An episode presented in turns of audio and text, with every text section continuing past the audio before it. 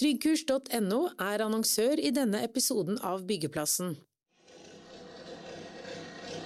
Obos sier opp 270 ansatte i Sverige, og i Norge så setter boligbyggeren bremsene på. Hva skjer nå?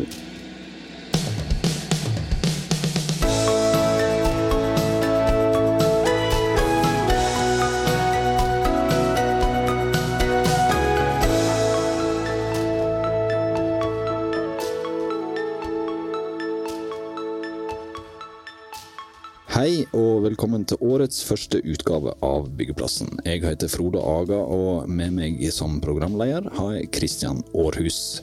Det er et nytt år, og det er fortsatt urolige tider. Nyboligsalget har vært i fritt fall de siste månedene. I november var salget av nye boliger 39% lavere enn sammenlignet med året før.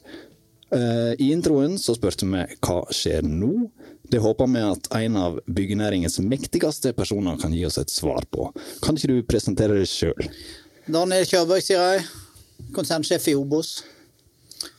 Og trives godt med det, til tross for at tiden er sånn som det Ja, for nå hører vi daglig om eh, nordmenn som har fått betydelig redusert kjøpekraft, og som er usikre på framtida.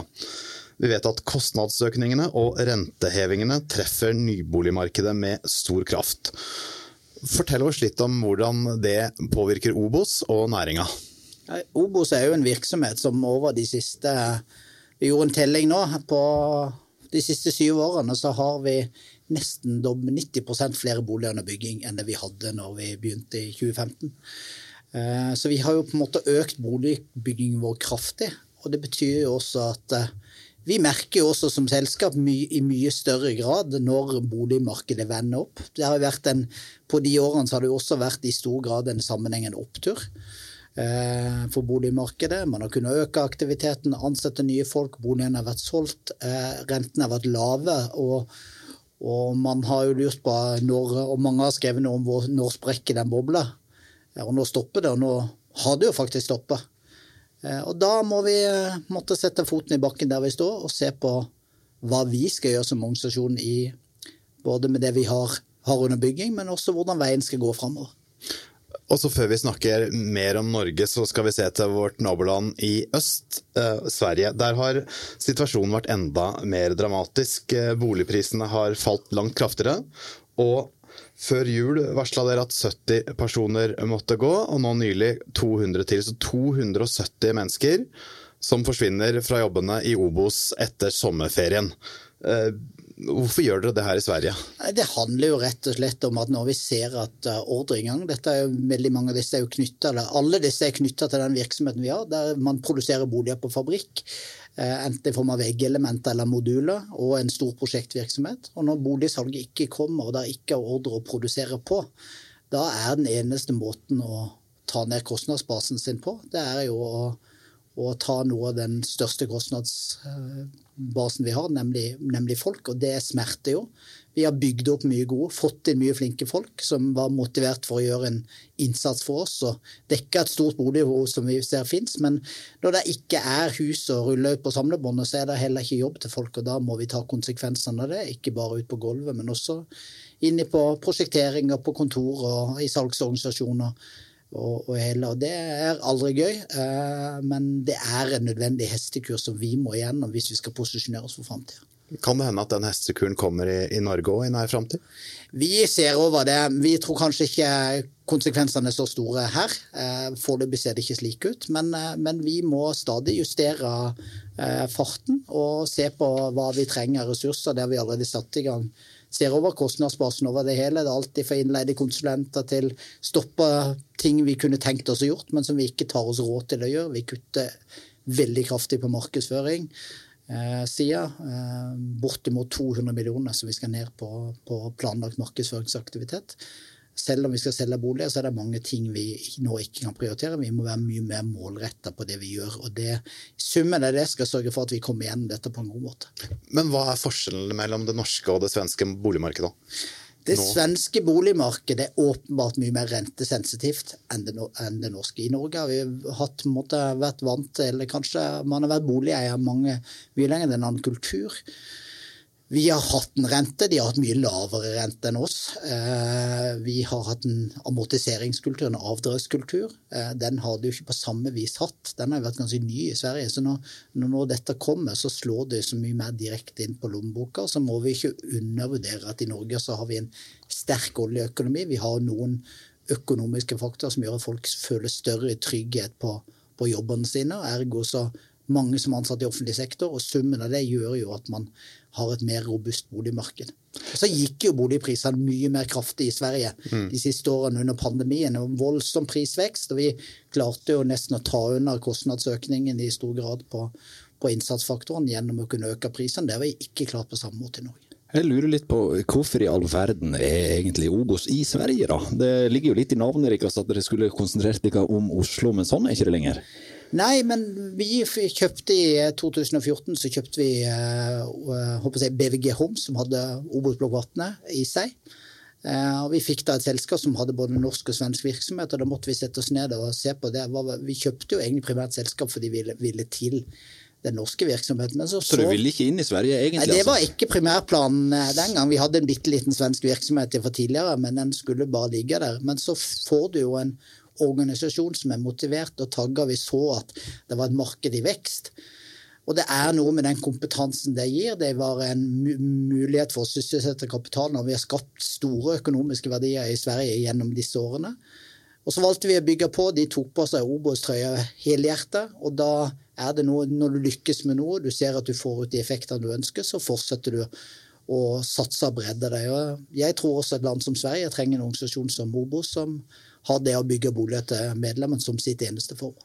Vi tar en kort pause fra byggeplassen for å høre fra våre annonsører.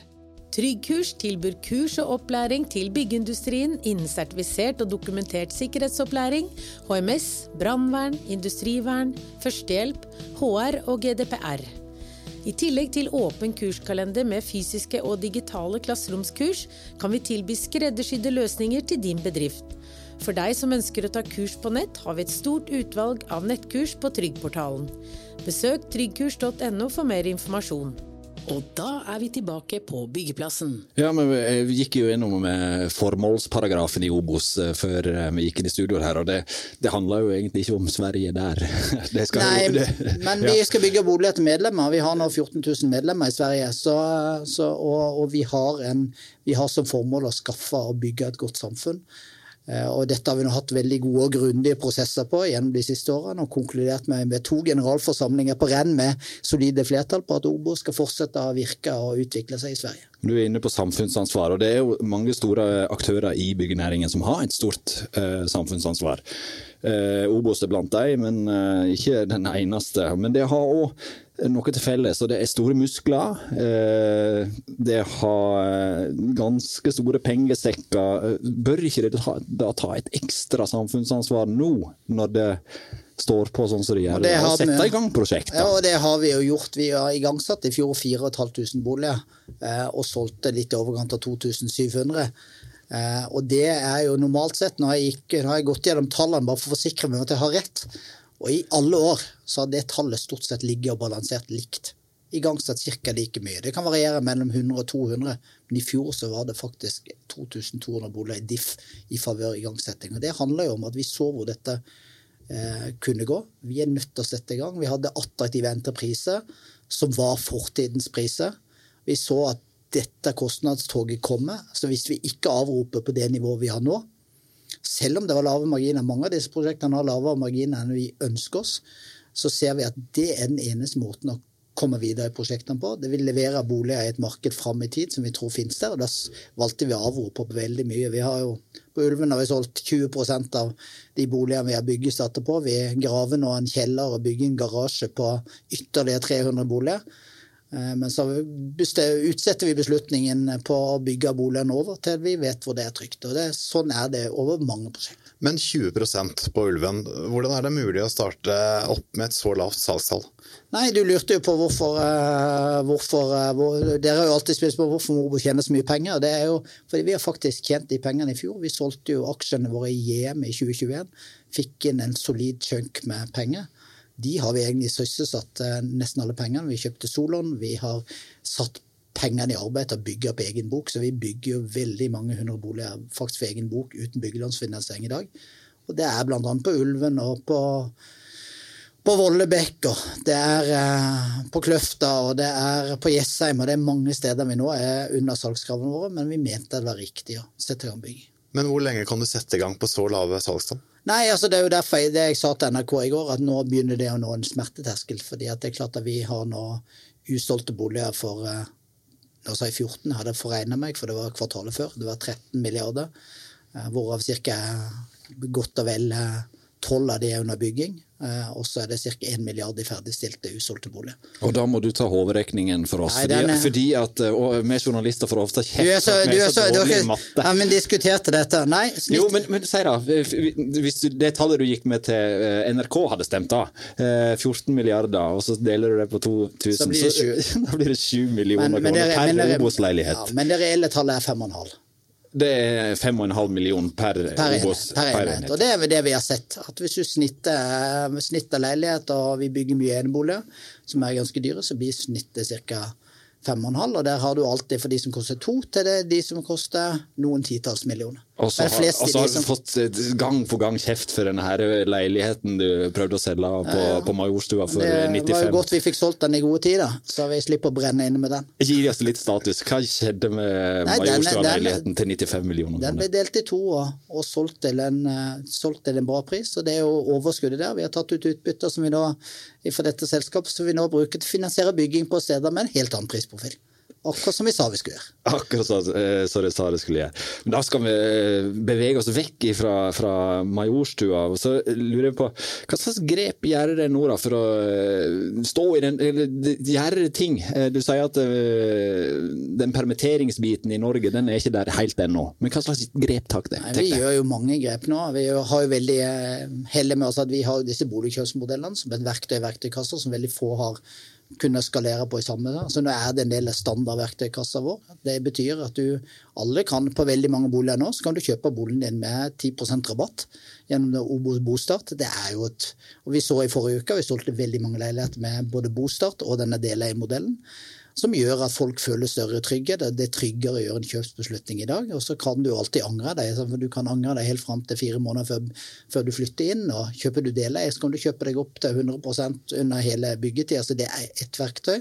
Så gikk vi ut i dag med at vi lanserer boligbytte på 400 boliger.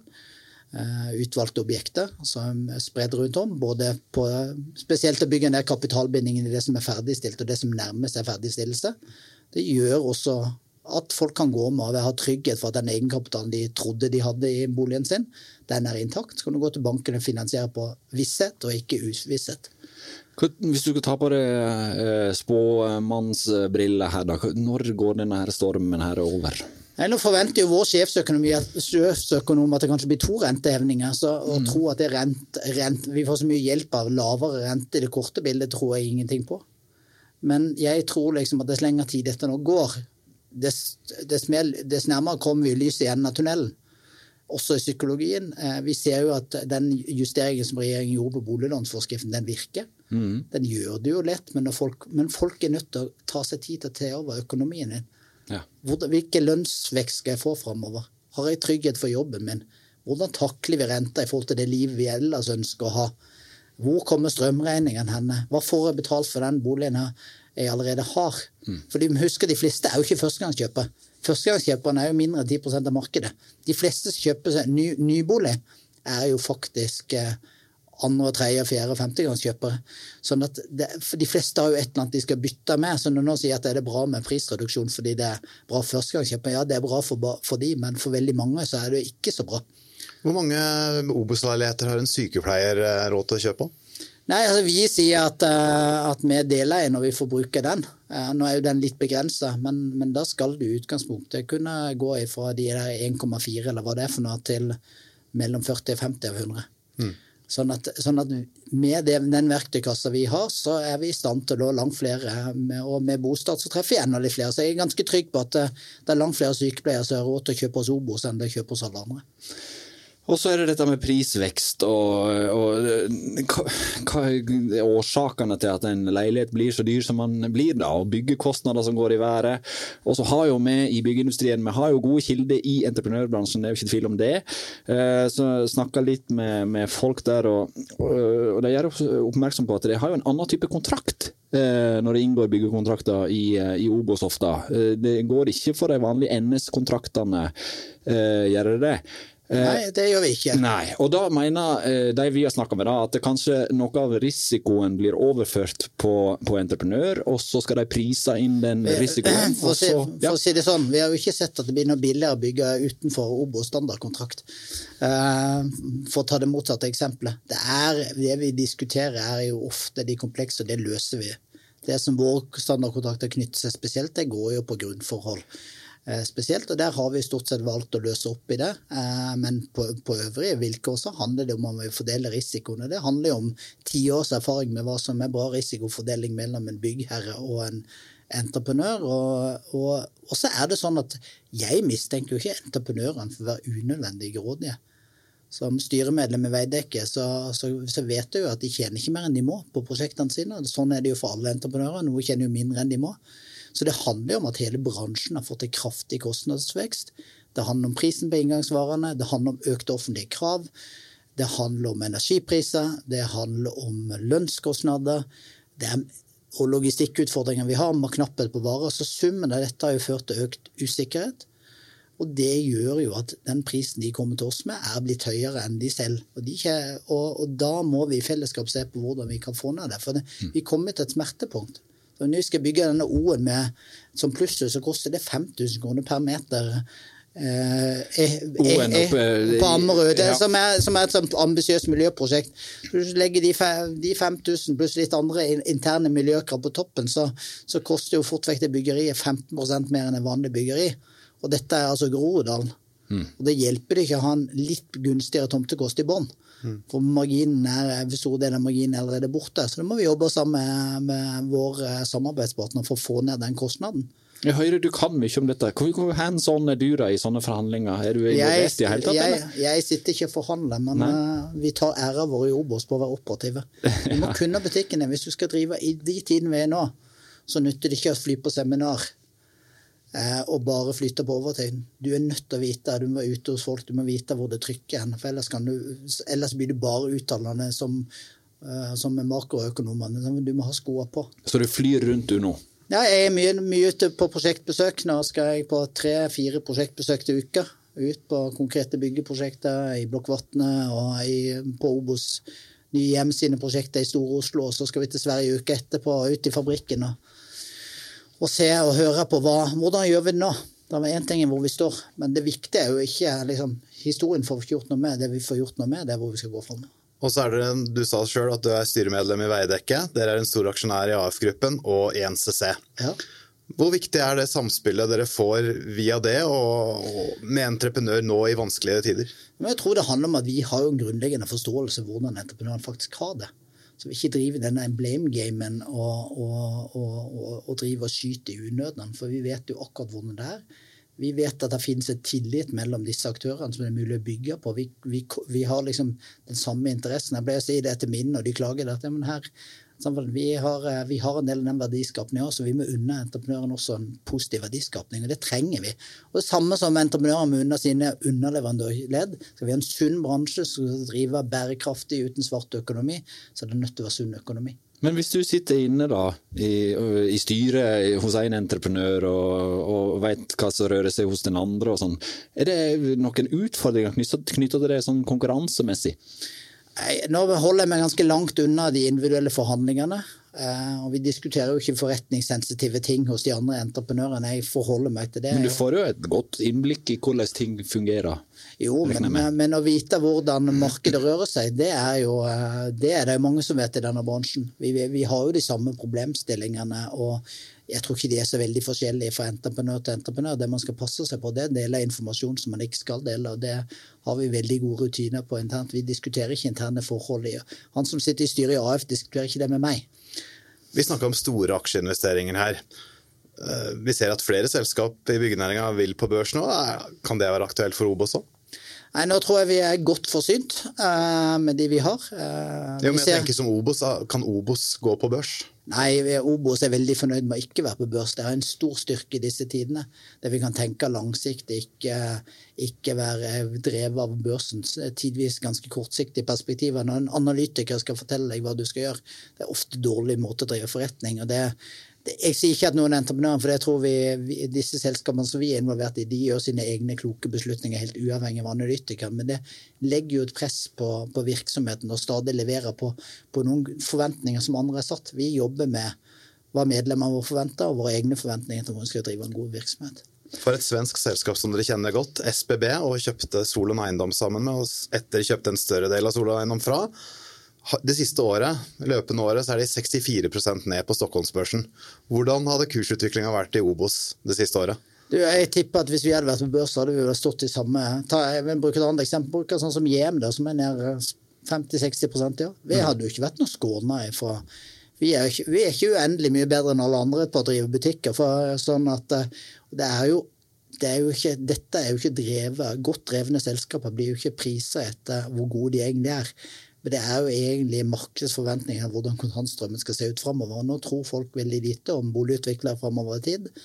Eh, og dermed priser de deretter. Men vi vet jo, vi som driver i denne bransjen over lang tid, at dette kommer tilbake. Gode, gode veldrevne selskaper de har framtida foran seg. Men når, det, når, kommer det tilbake? Det er jo det alle lurer på. Du svarte kanskje litt på det i stad, men gi oss noen framtidsutsikter. som er litt... Nei, jeg tror 2023 blir et motigt år, som svenskene sier. Jeg tror det blir litt oppoverbakke en god stund til. Det er mhm. ikke sånn det kommer til å renne. Nå har vi en veldig bra salgsuke forrige uke, så nå har vi solgt 14 i storbyvirksomheten vår. Så er det liksom yes. Da er vi nesten, nesten tilbake på sånn lunkne tider. Ja, ikke varme tider. Og nå tar det alt det får og ja, ja, tolker det Du må, du må feire enhver seier. Sånn, I disse tider er det viktig å feire enhver seier. Var det Ulven-prosjektet? Ja, nei, det var ingen på Ulven, men det var en på Løren som for en stor firerommer med utleiedel som ble solgt for ti millioner til en ung familie som skulle leie ut. Uh, og da ble solgt en ettrommer på på Torgkvartalet på Vollebekk, og det blir solgt en treroms på Stålverkspark i Hamar. Det, men, men det blir solgt så mange leiligheter at du nesten er på en fornavn med alle kjøperne, da? Nei men vi har Eller så få? Ja, eller så få. Men vi har en veldig god rutine. Så hver gang det blir solgt, så skal selgeren hos oss, enten i Norge, Sverige uavhengig av varemerke, de skal legge ut og publisere hva som er solgt. Og de flinke selgerne de forteller jo faktisk litt om kjøperen sin. Ja, Da kom det en kjøper som kom fra Årdal og ville ha sin første bolig i hovedstaden. Og så legger han på en liten på den måten så skaper du en salgskultur. Det er jo det vi er avhengig av nå som bransje. Vi kan ikke bare gå ned og kikke ned. Vi er nødt til å liksom løfte blikket og liksom få opp geisten litt i organisasjonen. Og Nå må jeg bare avkrefte at jeg har kjøpt noen Obos-leiligheter siste uken. Altså, det, var ikke du. Det var ikke, det var ikke deg. Og jeg tror ikke det var en Men du var i Oslo, gjør du ikke det? Jeg gjør det. Ja. Nei, ikke Oslo heller. Jeg bor i Nordre Follo, så nå vet alle lytterne om det òg. Men uh, entreprenørbransjen, da. Hvordan ser du for deg at uh, den blir uh, nå? Må, må entreprenørene kutte ned? Ja, altså Hvis de ikke fyller på Nå er det jo mange som har gode ordrebøker, men jeg tror det er mange som merker at det etter hvert nå som det ikke kommer nye bestillinger Én ting er at du kan ha godt fått en ordre, men den ordren skal komme til utførelse. Så hvis byggherren ikke, eh, ikke selger det han skal for å komme til, til byggestart, så hjelper det ikke å ha meldt en ordre. Den må faktisk komme til utførelse. Og der tror jeg, om de ikke forsvinner, så blir de forsinka. Det vil jo påvirke utviklingen i framover. Og det, det, er jo ikke sånn at eh, marginbildet skal opp.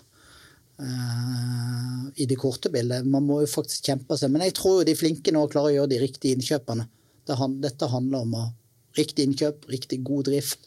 Evne å jobbe sammen med byggerne sine for å få ut nødvendig lønnsomhet. Så jeg har, jeg har, veldig tro på de som vi har investert i, og jeg har faktisk tro på de vi ikke har investert i år. Det er mange flinke entreprenører, små og store, i dette landet. Men her står vi og ser utover Oslo, og vi, vi prater mye om Oslo og vi prater om Sverige. Men hva med resten av Norge? Er det noen forskjeller der på markedene, eller er det like trått overalt? Nei, men det, det er jo tråder uten Det er jo like trått utafor. Det har vi sett lenge.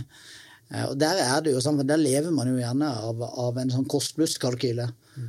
er mange av de som leverer en Er du småhusbygger på Innlandet, så leverer du av den kosten tomta de hadde, og så har du nå timeverk og innkjøp av materiale, og så har du en bitte liten margin på toppen. Og den marginen er jo blitt spist opp. Mm. På tross av lavere eiendomspris. Ja, og blir du stående igjen med litt usolgt, er du en liten aktør og blir solgt, sitter igjen med tre usolgte, så er det kanskje mye av egenkapitalen i selskapet ditt som er bundet opp i de, mm. og da kommer du ikke videre med neste prosjekt. Men vi har jo troa på, på, Vestlandet, uh, oljeregionen. Det skal skje utrolig mye av industribygging på, langs kyststripa fra Agder og opp til, til Rogaland, og gjerne litt lenger vestover. Så jeg tror jo at det at når vi nå kommer over dette, så er det et godt og fundamentalt grunnlag for at vi skal kunne bygge boliger, at det skal være attraktivt å bo i disse regionene. To ting som er viktig når du bygger boliger, er i hvert fall det du bygger med, materialene. Og så er det, det at det er regulert nok. Og, de tingene der har jo virkelig vært i spill nå de siste månedene og åra. For første, hvordan er pris, eh, prisbildet nå på byggematerial? Og for andre, hvordan er boligreguleringen? Altså, prisene er jo noe på vei ned i forhold til toppen. Det ser vi jo bl.a. på trevareprisen. Men husk at den er jo fortsatt ikke på tilbake på den er jo fortsatt ikke på 2020-nivå engang. Så det, nivåene er jo fortsatt veldig høye. Eh, så, så de, de kommer jo kraftig opp.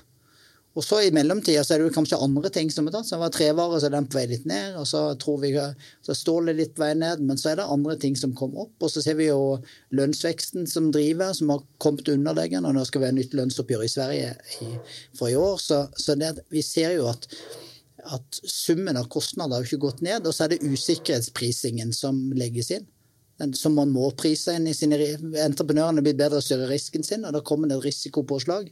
Får jeg den leveransen jeg skal til riktig tid? Får jeg tak i folk nå? Så hva skjer nå med og Det er jo det, I det lange bildet er jo en stor utfordring for oss. Vi har jo et Europa som er i krig, og vi har et Europa skal, der mye skal gjenreises. Vi står nå diskuterer Nå skal vi investere i fabrikken vår i Sverige. Vi har bestemt at vi skal gjøre det til høsten av. Og da er det litt sånn sørg for å bestille de maskinene mens vi fortsatt kan få bestilt en maskin. For noen år ned i tid så kanskje den maskinen lages til ny industri i Ukraina. Og da får vi ikke leveranse på maskiner til den prisen vi vil. Men og Kina åpner opp ja, ja, så det, det, er masse det er masse ekstra i sida. Så du må liksom bare ta et valg der du står. Nå er vi passe nær bunnen, nå kan vi tørre å satse. Men Du skal investere i en ny maskin i Sverige, men så sier du opp 270. Hvem skal operere den maskinen? da? Nei, men dette er en, dette er en bygge, dette er en bygge en ny fabrikk. Det tar to år å bli ferdig med å bygge en ny fabrikk, og så håper jo virkelig at verden er et bedre sted eh, høsten 2025. Men del to av spørsmålet, boligregulering, det er jo en utfordring, stadig tilbakevendende utfordring for Obos. Og alle andre. Og alle andre. Hvordan er ståa? Nei, vi, eh, vi, fikk jo, eh, vi fikk jo vedtatt den første reguleringsplanen liksom måneder litt før jul. Det var jo lenge siden vi fikk vedtatt den reguleringen. Så fikk vi et eh, Nettopp et reguleringsvedtak i Bergen. Det holdt det på å gå galt, men fordi vi har flinke folk, og, og ikke minst med å skryte litt av eh, oppstartsbedriftene i Norge, hadde vi ikke hatt håper det er Seven Analytics som driver med overvannshåndtering, kunne hjelpe oss med å vise og simulere hvordan fag, kommunepolitikerne bomma fullstendig på analysen sin, så hadde vi kanskje ikke fått snudd det.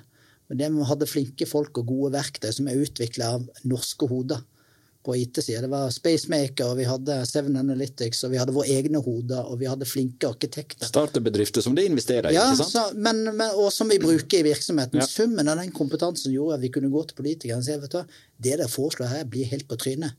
Men her setter dere faktisk barnehagen under vann. ok, Med hjelp av kunstig intelligens, da? Så, så... Kunne, så kunne vi vise hva konsekvensen av det de foreslår, som de ikke selv hadde gjort analysen av. Det ble en sånn politisk hestehandel. Og så gikk de tilbake. Vi hadde voksne politikere. Det skal tjene de til ære istedenfor å være gift med De har til og med gått ut i media og sagt at nå skulle de gjøre sånn.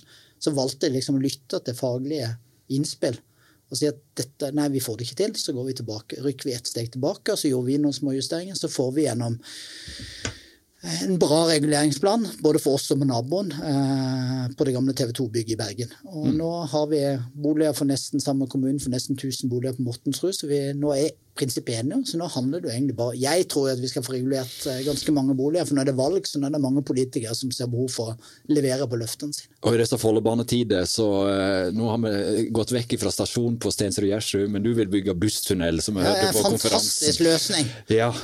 Hvor er, hvor er status der på busstunnelen Nei, mellom nei, i hvert fall så merker vi, at, merker vi at de som driver med samferdsel på fagsida, er entusiastiske for tanken mange av de kreftene der, de ser verdien av det her. Og vi har starta en prosess. Dette blir et langt lerret å bleke, men hvis man ikke starter prosessen og utfordrer premissene, så kommer man aldri i mål.